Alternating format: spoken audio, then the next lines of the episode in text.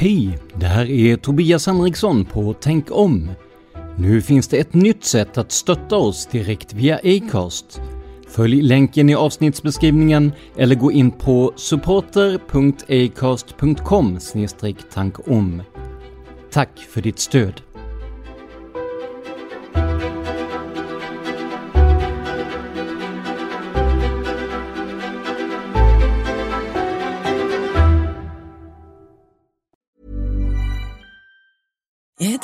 Time of the year. Your vacation is coming up. You can already hear the beach waves, feel the warm breeze, relax, and think about work. You really, really want it all to work out while you're away. Monday.com gives you and the team that peace of mind. When all work is on one platform and everyone's in sync, things just flow wherever you are. Tap the banner to go to Monday.com. Hiring for your small business? If you're not looking for professionals on LinkedIn, you're looking in the wrong place. That's like looking for your car keys in a fish tank.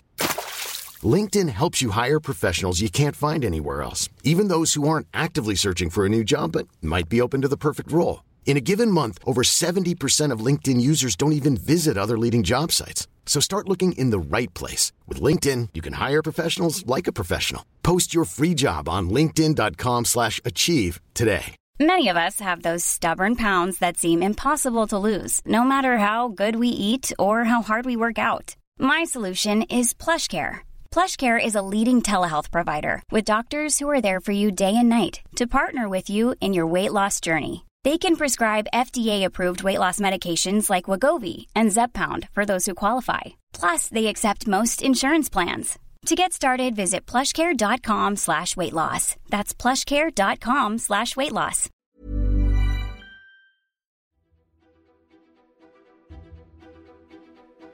En pedofilring, en pizzeria, läckta e-postmeddelanden och en sju helsikes konspirationsteori. Vad är sant och vad är myt i Pizzagate? Jag heter Tobias Henriksson och du lyssnar på Tänk om.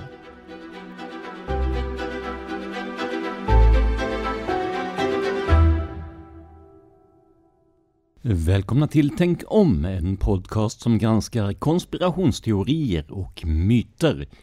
Jag heter Tobias Henriksson.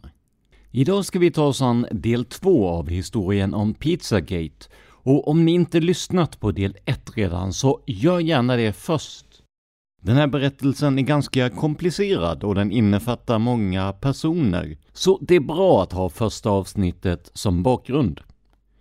Om ni trots detta har svårt att komma ihåg alla personer, kolla på facebook.com tankom.se där vi lagt ut såväl ett persongalleri som källförteckning. Och precis som i förra avsnittet så har vi en helt fantastisk manusförfattare som skrivit de här avsnitten, nämligen Jenny Sterner. Om du vill höra mer från henne, ja då ska du lyssna på Dan Hörnings poddar som Jenny skriver manus åt.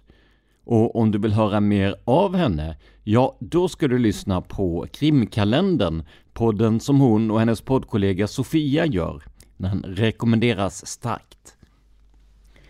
Och som vanligt kan du stötta oss om du gillar det vi gör och vill uppmuntra oss. Det gör du enklast på patreon.com tankom där du väljer en summa som podden får per publicerat avsnitt. På Patreon kan du också lyssna på samtliga avsnitt utan reklam och när vi hinner så brukar vi också lägga upp förhandslyssningar där. Om du hellre vill donera en engångssumma, ja då hittar du sätten att göra det på i avsnittsbeskrivningen. Innan vi kör igång vill jag ställa en viktig fråga till er som lyssnar. För tidigare har jag alltid mixat podden med bakgrundsmusik och ibland även ljudeffekter som till exempel sjungande fåglar eller brusande skog. Men för ett tag sedan läste jag i en grupp om true crime-poddar att många tycker att det här är jobbigt och gör att det är svårt att koncentrera sig på handlingen. I förra avsnittet valde jag därför att inte ha någon bakgrundsmusik för att se hur skillnaden blev. Men det är ju för er jag gör den här podden, så jag vill veta vad ni tycker. Maila tankompodcast hotmail.com eller kommentera i tråden om avsnittet på Facebook.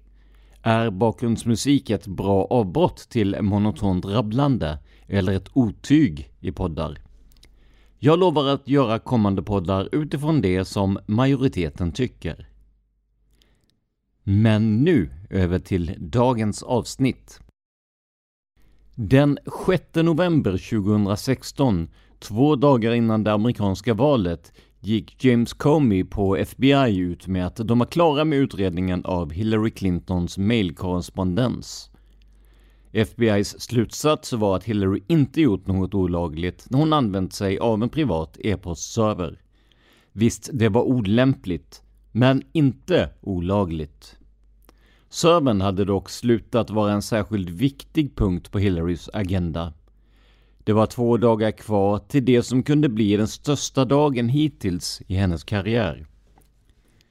Men efter valet den 8 november stod det snart klart att, som vi alla vet, Donald Trump hade gått segrande ur striden mot Hillary. När man läser om anledningarna till hennes valförlust tas Pizzagate oftast inte upp som en variabel. De främsta anledningarna som nämns är att Hillary hade svårt med att skapa starka band till sina väljare, att hon inte kändes speciellt jordnära eller personlig. Att Donald Trump fick större utrymme i media eftersom han hade, eller har, ett stort underhållningsvärde. Att den amerikanska arbetarklassen hade tröttnat på att arbetstillfällena blev färre och färre Enligt dem hade inte den industrikris som började under 70-talet lösts under alla år som landet haft demokratiskt styre, även om republikanerna suttit vid flest mandatperioder sedan 1970. Många väljare på landsbygden menade också att Hillary prioriterat jobbfrågan för lågt. Sen är det också själva valsystemet i USA där man, som i det här fallet, kan få flest röster som Hillary, men ändå förlora valet på grund av fördelningen av röster i de olika delstaterna. Och om vi skulle gå in på det amerikanska valsystemet, ja då hade vi fått ägna en hel sommarspecial åt det, med tanke på dess komplexitet. Så är ni intresserade av att veta mer så rekommenderar vi www.usa.gov election. Valet var över, men inte Pizzagate. Pedofilringen hade ju inte blivit upplöst. Ingen hade blivit straffad. Under dagarna mellan den 27 november och 1 december publicerade konspirationsteoretikern Alex Jones och Infowars tre Youtube-filmer med följande namn. Pizzagate is real. Alltså, Pizzagate är verkligt. Down the Pizzagate Rabbit Hole, alltså ner i kaninhålet Pizzagate. Och Pizzagate The Bigger Picture, alltså Pizzagate den större bilden. En av personerna som tittade på filmerna, läste inlägg och eh, så kallade artiklar var Edgar Madison Welch. Edgar var 28 år gammal och bodde i staten Salisbury i delstaten North Carolina. Han hade nyligen fått internet installerat i sitt hem, vilket kan tyckas lite sent om man jämför med många andra. Och sen han fick det så hade han följt Pizzagate minutiöst.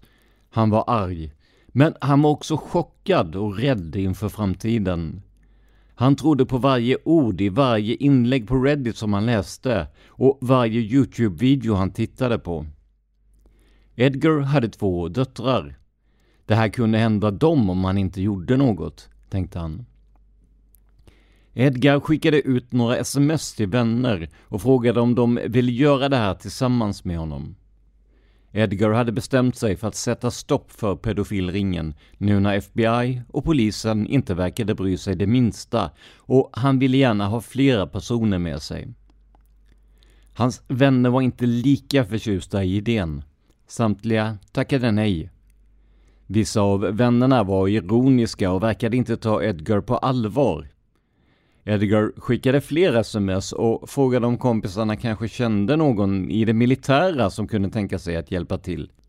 Han skickade med länkar till Youtube-klipp om Pizzagate så att vännerna verkligen skulle förstå allvaret. Edgar skrev att visst, vissa av dem skulle kanske stryka med under den här aktionen. Men det handlade ju om att några få skulle offra sig för att många skulle bli räddade. Men ingen verkade engagerad nog för att bry sig. Edgar var helt enkelt tvungen att fixa det här ensam. Den 4 december, 28 dagar efter valet, satte sig Edgar i sin bil. I packningen hade han en 38 kalibrig pistol, ett gevär av modellen AR-15 och en kniv.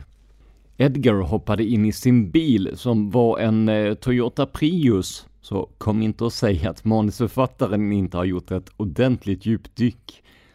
Han har drygt fem timmars körning framför sig. I bilen filmade han sig själv när han sa I can't let you grow up in a world that is so corrupt by evil without at least standing up for you and for other children just like you. Och de han vände sig mot i filmen var alltså sina egna två döttrar. På svenska blir det här Jag kan inte låta er, alltså döttrarna, växa upp i en värld som är så korrumperad av ondska utan att i alla fall stå upp för er och andra barn som är precis som er. Klockan tre på eftermiddagen var Edgar framme i Washington, närmare bestämt vid Comet Ping Pong. Han öppnade dörren och klev in. Direkt utbröt kaos. Servitörer, kassapersonal, gäster, alla som såg Edgar komma in flydde i panik. Hängande tvärs över kroppen hade han sitt gevär. Edgar var på väg mot den bakre delen av restaurangen. Han skulle leta reda på var barnen hölls fångna. När han kom till köket såg han en dörr som han inte visste vart den ledde. Den var låst. Det måste betyda att någonting som omvärlden inte fick veta fanns där bakom. Det var Edgar säker på. Han hade ingenting med sig att leka upp låset med, så han tog en av restaurangens smörknivar och försökte få upp det. Det fungerade inte. Då sköt han mot låset. Men det hjälpte inte det heller. Edgar behövde tänka om. Han klättrade upp på möblerna på något sätt för att försöka få översikt över restaurangen innan han hoppade ner och fortsatte att söka igenom lokalerna. Det han egentligen letade efter var ju källaren. Det var ju där alla sa att pedofilringen höll till. Det var där barnen var fångna. Problemet var bara att hur mycket han än letade så hittade han inte någon trappa ner till källaren. Inte någon hiss. Ingenting. Och anledningen till det här var skrämmande enkel. Comet Ping Pong hade nämligen ingen källare. Polisen var på plats snabbt och säkrade området runt restaurangen. Gästerna och de anställda som lyckats ta sig ut försökte chockade förklara för poliserna vad som försiggick där inne. De visste inte vad Edgar var ute efter, men han var beväpnad och det hade tydligt hörts att han skjutit minst tre skott. Att Edgar skjutit för att få upp låset till dörren i köket, ja, det visste naturligtvis ingen av dem som hunnit ut från restaurangen när Edgar stramat in. En halvtimme efter att Edgar öppnat dörren för att ta sig in i restaurangen öppnade han den från andra hållet och klev ut till de väntande poliserna. Han blev genast beordrad ner på marken och handfängslad. När det var dags för förhör på polisstationen tackade Edgar nej till att ha en advokat närvarande vid förhören. Han stod för vad han hade gjort. Han hade tyvärr inte lyckats hitta och befria barnen, men hans syfte hade varit gott. Han hade försökt göra polisernas jobb eftersom de uppenbarligen inte klarade av det själva. Alex Jones var snabb att backa från påståendet att pedofilringen hade sitt säte i Comet Ping Pong. Att bli inblandad och kanske anses på något sätt vara medskyldig till Edgars handling eftersom Alex eldat på ryktena, det låg verkligen inte i hans intresse. Däremot tänkte han inte backa tillbaka från det som han hade sagt om Pizzagate. På kvällen samma dag som Edgar rusat in på Comet Ping Pong med ett gevär i handen hade Alex Jones lagt ut en video på Infowars YouTube-kanal. Den 13 november hade en kvinna vid namn Monica Peterson dött. Monica arbetade mot barnsexhandel. I videon hävdade Alex att Monica hade blivit mördad av The Clinton Foundation eftersom hon hittat bevis på att pedofilringen existerade och att ringen hade sitt säte på Haiti och inte på en pizzeria i Washington. Enligt Monicas vänner och bekanta stämde det här inte alls. Monica hade tagit sitt liv och anledningen var inte relaterad till hennes jobb. Nio dagar efter att Alex lagt ut den här videon tog han bort den och en till från Youtube. Det blev 2017. Hillary Clinton var inte glad. Att förlora mot Donald Trump i sig, det var ett enormt nederlag. Men än värre var kanske hur hon hade förlorat. Hillary var säker på att Pizzagate var det som var anledningen till valförlusten. Hon trodde inte på att det var ett rykte som plötsligt uppstått nästan av sig själv på internet. Det var Donald som låg bakom Pizzagate. Det var från honom och hans team ryktet kommit. Ryktet hade även spätts på av Ryssland med Vladimir Putin i spetsen. Det var ingen hemlighet att Donald Trump var vänligt inställd till Ryssland. Trump hade under valet konsekvent valt att inte kritisera Rysslands kränkningar av mänskliga rättigheter. Tvärtom hade han gjort uttalanden om USA i stil med “Men är vi i USA så mycket bättre då?” Trump hade också varit tydlig med sin motvilja mot NATO. Och här ska vi bara påpeka att det här är alltså vad Hillary Clinton tror och tycker och inte något som det finns konkreta bevis för. Tillbaka till skjutningen inne på Comet Ping Pong. Edgar åtalades först för innehav av vapen och andra vapenrelaterade brott. De åtalen lades dock ner eftersom han skulle dömas som en delstatsdomstol och åklagaren ville att den federala lagstiftningen skulle fälla Edgar. Där var straffvärdet betydligt högre. Edgar blev åtalad för att ha transporterat vapen och ammunition över delstatsgränser. Efter det blev han åtalad för att ha hotat personerna på restaurangen med vapnet.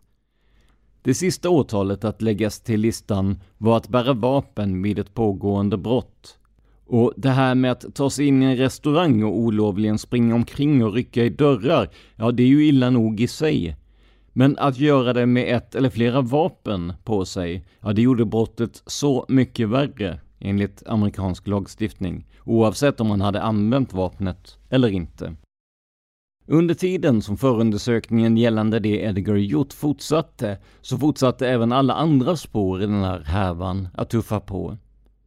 I februari krävde James Elefantis via sin advokat att Alex Jones skulle be om ursäkt för sin anklagelse mot honom och restaurangen, samt att han skulle ta bort samtliga filmer och inlägg som han lagt ut. Gjorde han inte det kunde han förvänta sig en stämning från James. Enligt Texas lag hade nu Alex en månad på sig att svara. Alex tog den månaden på sig och i mars 2017 fick James sin ursäkt. På Infowars hemsida la Alex Jones ut en film där han pudlade och sa att han gjort vissa uttalanden om James Alifantes som nu i efterhand har visat sig vara falska. Citat. Jag ber om ursäkt för detta.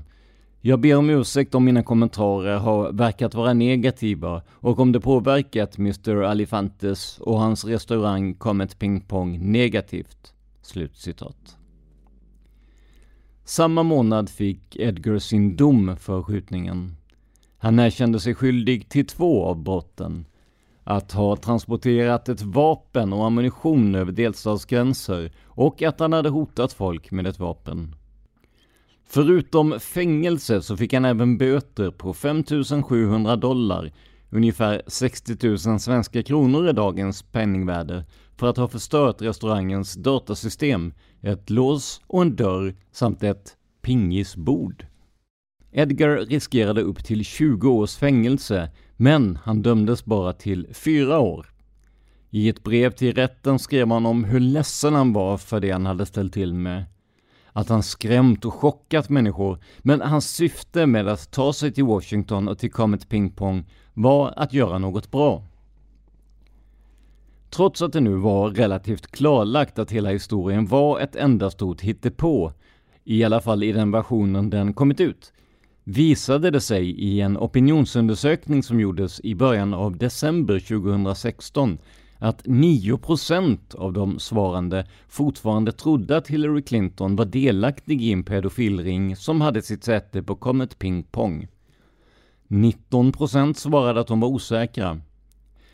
Och antalet svarande det var bara 1224 stycken, så det var alltså inte någon särskilt stor undersökning och felmarginalen blev därför större. Men de här siffrorna säger ju ändå en hel del. I en annan undersökning som gjordes senare i december delades svaren upp beroende på om den svarande var demokrat eller republikan. 17 procent av de som röstat på Hillary Clinton trodde på Pizzagate, men röstade alltså ändå på henne, medan 82 procent trodde att det inte var sant. Bland Trumps väljare trodde 46 procent, alltså nästan hälften, att Pizzagate var sann, 53% svarade att de inte trodde det var sant. Och nu började de mer seriösa medierna undersöka hur hela den här härvan hade uppstått och hur den vuxit till sådana enorma proportioner. De kom fram till att konspirationsteorin Pizzagate uppkommit med hjälp av en mix av vanliga människor, det vill säga rent skvaller, internetforum, politiker och oseriös media. Jonathan Albright, assisterande professor i mediaanalys, gjorde en studie över de Twitterinlägg som bidragit till att sprida Pizzagate. Tweets kom från hela världen, men omräknat till per capita kom det oproportionerligt många från Tjeckien, Cypern och Vietnam. Ett stort antal av de som retweetade de inlägg som gjordes, alltså delade dem, var bottar, alltså konton som inte drivs av riktiga människor, utan exempelvis en dator med olika algoritmer om vad som ska delas vidare. It's that time of the year. Your vacation is coming up. You can already hear the beach waves, feel the warm breeze, relax and think about work. You really, really want it all to work out while you're away. Monday.com gives you and the team that peace of mind. When all work is on one platform and everyone's in sync, things just flow wherever you are. Tap the banner to go to Monday.com. Hey, it's Ryan Reynolds, and I'm here with Keith, co star of my upcoming film, If, only in theaters, May 17th. Do you want to tell people the big news? All right, I'll do. Sign up now and you'll get unlimited for $15 a month in six months of Paramount Plus Essential Plan on us. Mintmobile.com slash switch. Upfront payment of $45 equivalent to $15 per month. Unlimited over 40 gigabytes per month. Face lower speeds. Videos at 480p. Active Mint customers by 531.24 get six months of Paramount Plus Essential Plan. Auto renews after six months. Offer ends May 31st, 2024. Separate Paramount Plus registration required. Terms and conditions apply if rated PG. I'm Sandra, and I'm just the professional your small business was looking for. But you didn't hire me because you didn't use LinkedIn jobs. LinkedIn has professionals you can't find anywhere else, including those who aren't actively looking for a new job but might be open to the perfect role, like me. In a given month, over 70% of LinkedIn users don't visit other leading job sites. So if you're not looking on LinkedIn, you'll miss out on great candidates like Sandra. Start hiring professionals like a professional. Post your free job on linkedin.com slash achieve today. En journalist på tidningen Rolling Stone, Amanda Robb, gjorde en riktig djupdykning i historien. Hon gick så långt tillbaka hon kunde och en av de saker hon undersökte var personen Carmen Katz. Personen, enligt egen utsago boende i Missouri, som gjort det första inlägget på Facebook. Det inlägg som fått väldigt få likes, men som ändå var den tändande gnistan till den totalt okontrollerade brand av anklagelser som skulle komma. Inte särskilt förvånande fanns det ingen person som heter Carmen Katz i Missouri. Trots detta var personen väldigt aktiv på sidan change.org Och det här är en hemsida där vem som helst kan lägga upp namninsamlingar för olika ändamål. Det kan gälla seriösa saker, till exempel en eh, namninsamling för bättre skolmat i skolan si och så. Men det kan också vara namninsamlingar som vissa kanske skulle anse vara mindre seriösa. Och det här gäller definitivt några av dem som Carmen Katz hade undertecknat. En av de här namninsamlingarna var den som hette Put Donald Trumps face on Mount Rushmore.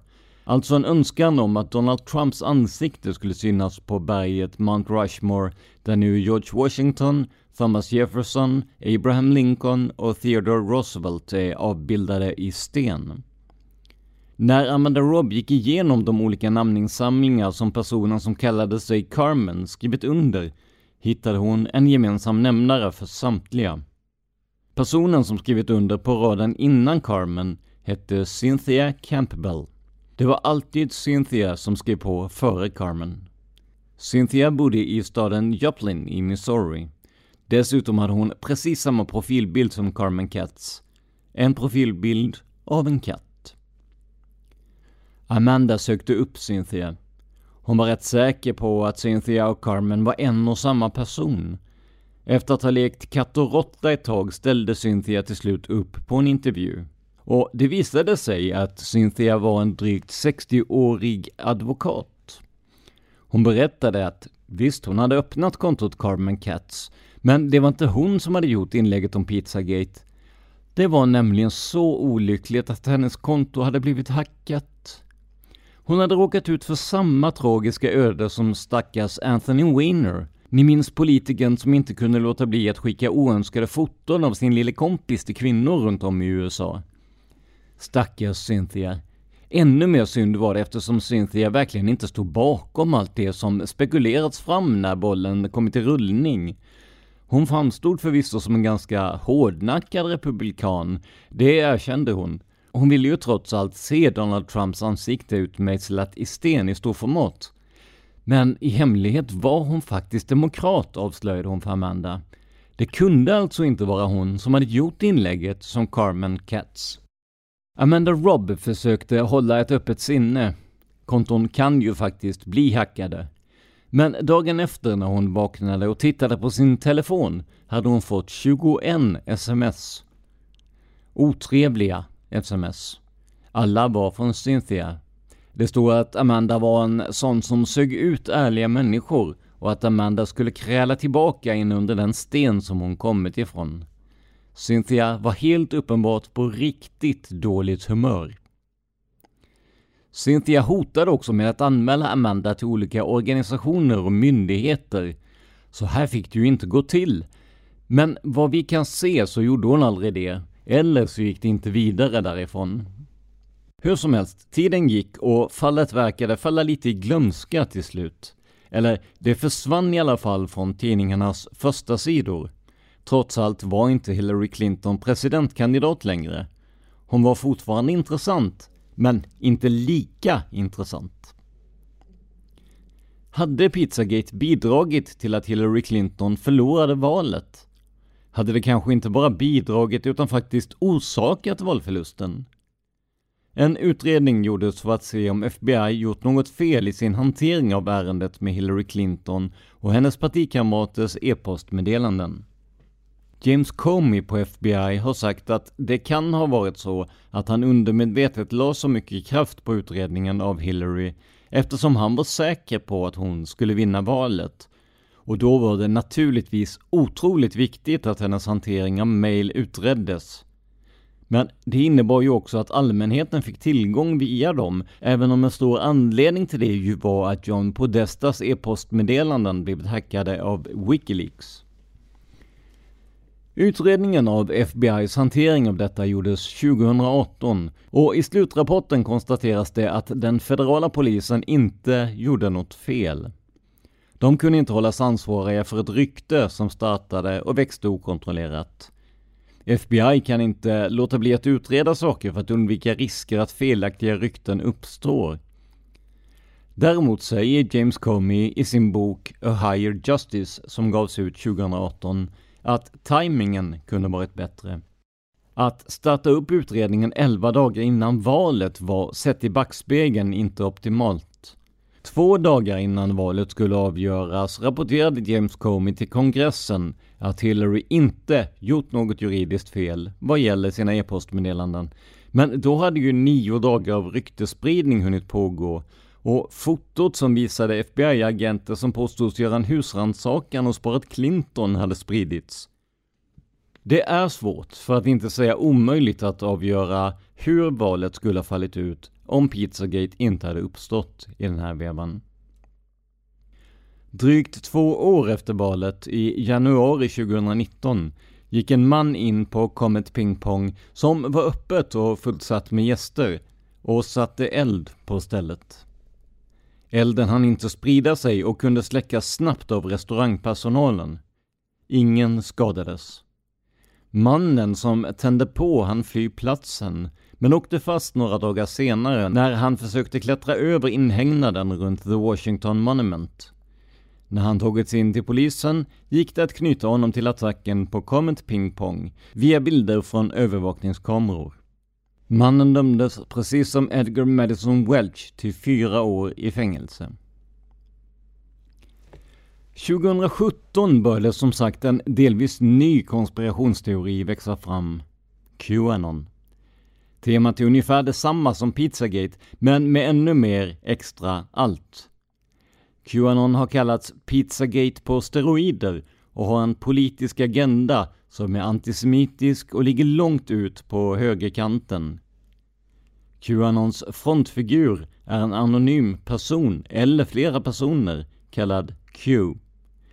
Och vi ska inte gå in så djupt på Qanon här, det har vi redan gjort ett avsnitt om som ni hittar genom att eh, söka på Tänk om i er poddspelare. Men om det nu finns någon som inte har lyssnat på det avsnittet än, så passar det ju bra att göra det efter det här. För precis som i Pizzagate cirkulerar teorin runt en internationell pedofilring. Utöver detta handlar det om kannibalism, satanism, människooffer och trafficking av barn. Barn skördas på sitt blod, där oxiderad adrenalin, efedrin, utvinns och används som ett ungdomselixir för medlemmarna i pedofilringen. Under tiden som president var ett av Donald Trumps största mål att bekämpa den här pedofilringen. Trump ska ha samarbetat med ryska politiker för att spränga pedofilringen och avslöja personer som Hillary Clinton, Barack Obama och finansjätten George Soros. De två senare är alltså nytillkomna namn på listan över påstådda medlemmar i pedofilringen. Och det är alltså teorin som menar att Donald Trumps största mål var att bekämpa det här. Det är inte något som kan styrkas i fakta. Jeffrey Epstein, som dömts för barnpornografibrott och våldtäkt, var häktad misstänkt för just att vara medlem i en pedofilring när han tog sitt liv i häktet 2019. En annan konspirationsteori finns om att han mördades av personer i ringen för att inte riskera att Jeffrey skulle avslöja något om ringens verksamhet. Epstein hade ett privatjet som kallades The Lolita Express eftersom han ofta sågs flyga tillsammans med unga flickor. Det Jeffrey Epstein gjorde var som en illa dold hemlighet som ingen ville röra vid, vilket eventuellt bidrog till att hans övergrepp kunde fortsätta så länge som de gjorde. Han åkte fast flera gånger och avtjänade korta fängelsestraff innan han släpptes ut och kunde fortsätta sitt liv som om inget hade hänt. Jeffrey Epstein hade många kända vänner och bekanta. Bland annat ska Bill Clinton flugit med på Jeffreys plan flera gånger. Även Donald Trump ska ha flugit med honom minst en gång. Och så var det det där med den engelska prinsen Andrew. Vad har han med den här historien att göra? Andrew var som sagt god vän med Jeffrey Epstein. I samband med att Jeffrey åkte i fängelse dömdes även hans till och från flickvän för att ha varit huvudansvarig för att skaffa fram unga flickor till Jeffrey. Flickvännen var också vän med Andrew. I augusti 2021 trädde Virginia Gioffer fram igen. En av de flickor som Jeffrey och hans vänner hade våldtagit. Hon berättade att det inte bara var Jeffrey Epstein och ett antal icke namngivna män som hade utnyttjat henne. Det var även prins Andrew. Första gången det hänt hade varit 2001. Hon och Andrew, Ghislaine och Jeffrey hade varit i Jeffrey Epsteins lägenhet och Virginia hade varit 16 år gammal. Efter det hände det fler gånger, bland annat i prins Andrews hus i London. Virginia stämde prinsen i amerikansk rätt, men denne förnekade allt. Det visade sig att det finns foton på honom och Virginia tillsammans. Prinsen fortsatte att förneka allt. Andrews advokater hävdade att i uppgörelsen Virginia gjort med Epstein 2009 hade hon fått ett skadestånd, eller snarare kanske en summa för att hålla tyst. Och i det dokumentet stod det att hon i framtiden inte hade rätt att anklaga någon annan för brott i samband med vad som hade hänt med Jeffrey Epstein. I oktober samma år lades polisutredningen som låg till grund för stämningen ned. I januari 2022 hände något som är väldigt sällsynt. Drottning Elizabeth av England tog ifrån Andrew sin titel, His Royal Highness. Han blev även av med sina militära ordnar. I februari samma år gjorde Andrew upp med Virginia utanför rätten. Det ryktas att beloppet Virginia fick var 10 miljoner pund, vilket motsvarar ungefär 120 miljoner svenska kronor. Det skrevs mycket i media som ifrågasatte var de pengarna kom ifrån. Var det drottning Elizabeth som plockade upp plånboken, eller ännu värre, var det de brittiska skattebetalarna? I samband med att Andrew gjorde upp med Virginia sa han även att han var väldigt ledsen för att han trott att Jeffrey var en god vän till honom och att han också var ledsen över att Virginia lidit. Men att han själv, prins Andrew, var helt oskyldig. Allt han gjort sig skyldig till var att vara vän med ett svin. Och det här är våra egna ord. För man måste kunna kalla en spade för en spade. Och finns det någon som passar in på beskrivningen av ett svin så är det väl Jeffrey Epstein. Men det här var alltså i februari 2022. Och i vissa fall verkar det lätt och snabbt att bli förlåten. För den 8 september dog drottning Elizabeth. Prins Charles blev kung. Och när en lista över de personer som får hoppa in som ställföreträdare om kung Charles till exempel blir sjuk, finns Andrew med på listans fjärde plats efter drottning Camilla och Charles båda söner. Men nu släpper vi det engelska kungahuset och hoppar tillbaka ett par år i tiden. Under 2020 föryngrade sig konspirationsteorin om Pizzagate när ungdomar och unga vuxna började göra inlägg och filmer på TikTok. Pizzagate i den lite nya tappningen är mindre fokuserad på USA och anhängarna har en större bredd politiskt och förekommer inte mestadels på högerkanten.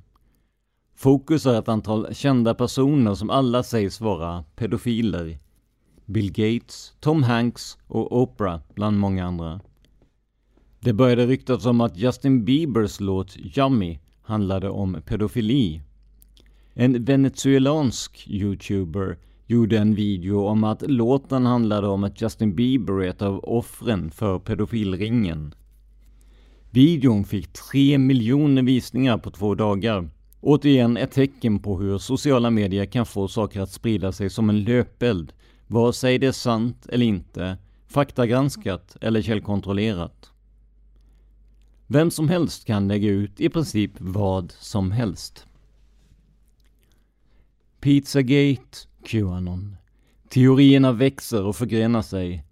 Kira Frankel arbetar på The New York Times som reporter inom internetsäkerhet och teknik. Hon har skrivit en bok som heter The Ugly Truth som handlar om Facebook. Under en intervju inför boklanseringen sommaren 2021 fick hon frågan om hur teorin om Pizzagate förändrats under de då närmare fem år sedan teorin såg dagens ljus. Shira menar att Pizzagate föryngrats och blivit mer relaterbar för yngre personer. När Hillary Clinton stått i centrum var den primära målgruppen personer runt medelåldern, oftast med politiska åsikter långt ut på högerkanten. Med mer fokus på kända skådespelare och unga musiker som Justin Bieber har en yngre och bredare målgrupp nåtts. Att använda TikTok som plattform är ett annat sätt att nå nya anhängare. En sak som kan ha fått teorin att växa snabbt igen är isoleringen under covid-19-pandemin. Ungdomar har varit tvungna att tillbringa en väldigt stor del av sin tid hemma och många har spenderat mer tid än vanligt på internet.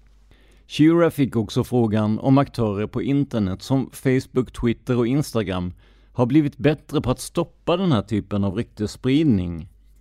Hon menar på att ja, det har de, men de ligger hela tiden steget efter. De personer som sprider konspirationsteorier eller överlag sprider falsk information på nätet hittar alltid ett sätt att komma runt de regler och spärrar som finns i just sociala medier. Hashtaggen Pizzagate är spärrad på Facebook, men det är den inte på Instagram. Och det trots att Facebook äger Instagram. För att vara helt korrekt så ägs båda de här varumärkena av bolaget Meta. När Facebook stängde ner hashtaggen skapade anhängare av Pizzagate privata Facebookgrupper istället, där de enklare kan dölja vad de kommunicerar om. Vad gäller TikTok fanns det i alla fall 2021, när Sheeran intervjuades, enligt henne ingen aktiv eftersökning av otillåtet material på plattformen. Vid den tidpunkten fanns det videor ute med Pizzagate-relaterade hashtags som sett av minst 80 miljoner personer. Däremot brukar både Facebook och TikTok ta bort videor när journalister hör av sig och informerar om otillåtet material. Men det kräver ju att journalister gör det jobbet. Till sist fick Shira frågan som de flesta som skriver om konspirationsteorier kanske ställer sig ibland. Borde man skriva om det? Eller borde man tiga ihjäl det? Att prata om konspirationsteorier, att skriva om dem även om det är kritiskt granskande material, ger det bara teorierna och dess anhängare mer syre? Svaret på den frågan är inte enkel. Men det vi vet är att konspirationsteorier har funnits i alla tider och aldrig lär ta slut. Och här på Tänk om väljer vi att prata om konspirationsteorierna och lyfta fram dem i ljuset så att folk kan se vad som är sant och inte. Till sist ska vi återkomma till en person som har haft en stor inverkan på den här konspirationsteorin. Alex Jones och hans Infowars. Pizzagate är ju långt ifrån den enda konspirationsteorin som Alex promotat. En annan teori han stöttat handlade om ett fall som jag tagit upp tidigare, skolskjutningen på grundskolan Sandy Hook 2012, där 20, 6 och 7-åriga barn sköts till döds tillsammans med sex av deras lärare. Skjutningen var ett regisserat skådespel med det politiska syftet att minska amerikanernas rätt att bära vapen, enligt Alex Jones. Jones stämdes i två olika fall av föräldrar till de mördade barnen och nu i somras 2022 kom resultatet av stämningen. Och det får vi kanske anledning att återkomma till framöver i en uppföljning av det här fallet. Planning for your next trip? Elevate your travel style with Quince. Quince has all the jet-setting essentials you'll want for your next getaway, like European linen premium luggage options, buttery soft Italian leather bags, and so much more. And it's all priced at 50 to 80% less than similar brands. Plus, Quince only works with factories that use safe and ethical manufacturing practices. Pack your bags with high-quality essentials you'll be wearing for vacations to come with Quince. Go to quince.com slash trip for free shipping and 365-day returns. Hold up. What was that? Boring. No flavor. That was as bad as those leftovers you ate all week. Kiki Palmer here, and it's time to say hello to something fresh and guilt-free. Hello Fresh. Jazz up dinner with pecan-crusted chicken or garlic butter shrimp scampi. Now that's music to my mouth. Hello Fresh. Let's get this dinner party started. Discover all the delicious possibilities at hellofresh.com. When it comes to your finances, you think you've done it all. You've saved, you've researched, and you've invested all that you can. Now it's time to take those investments to the next level by using the brand behind every great investor, Yahoo Finance. As America's number one finance destination, Yahoo Finance has everything you need, whether you're a seasoned trader or just dipping your toes into the market. Join the millions of investors who trust Yahoo Finance to guide them on their financial journey. For comprehensive financial news and analysis, visit yahoofinance.com, the number one financial destination, yahoofinance.com. Ja, det här var alltså fallet Pizzagate komprimerat till strax under två timmar. Givetvis finns det mycket mer att säga och fördjupa sig i, men någonstans måste man också sätta stopp och fundera på rimligheten i det här. Som ni hörde i avsnittet om Qanon kan konspirationsteorier bli farliga. Speciellt om det kretsar kring kända eller kontroversiella politiker eller andra kändisar. Pizzagate ledde förvisso inte till att någon stormade Kapitolium, men kanske, kanske kan den ha påverkat valet i en negativ riktning för Hillary Clinton. Vi vet inte och kommer troligen aldrig att få veta. Men vad är då slutsatsen om den här teorin efter allting som vi har gått igenom? Ligger det någonting i det här? Nej, det gör det ju förstås inte. Både jag och manusförfattaren Jenny Sterner har kollat igenom otaliga rapporter, artiklar och utlåtanden. Och det finns absolut inget som ens antyder att kända politiker varit med i en pedofilring. Inte heller finns det några belägg för att Comet Ping Pong varit inblandad i något liknande.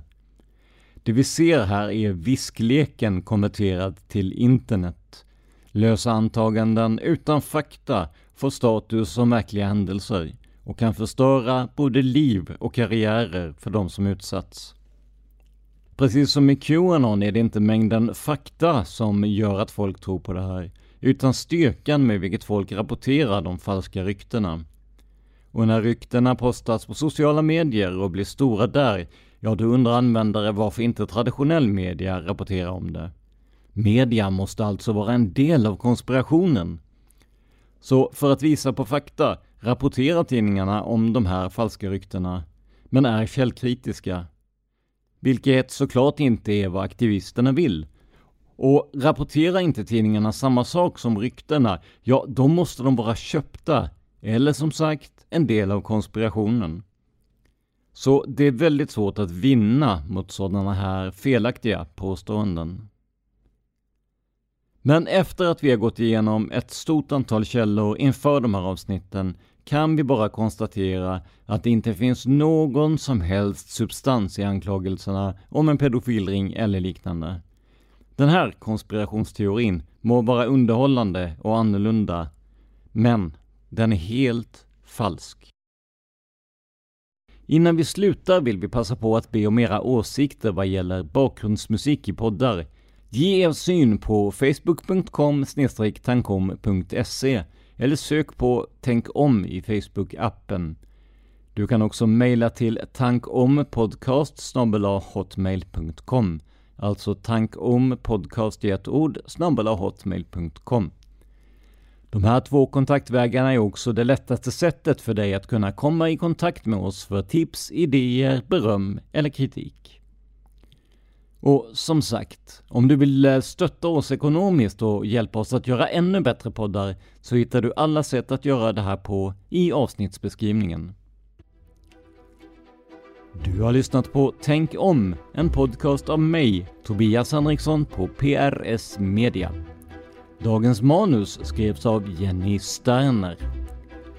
För mer information om mig och mina projekt besök facebook.com prsmedia.se eller gilla oss på Instagram där vi heter prsmedia. Ett ord, små bokstäver. Låten i vårt intro och outro heter Life Decisions och görs av Remember the Future. Övrig musik och ljudeffekter levereras av Epidemic Sound. Stort tack till Jenny för manuset till dagens avsnitt. Men framförallt, stort tack för att du lyssnar på Tänk om.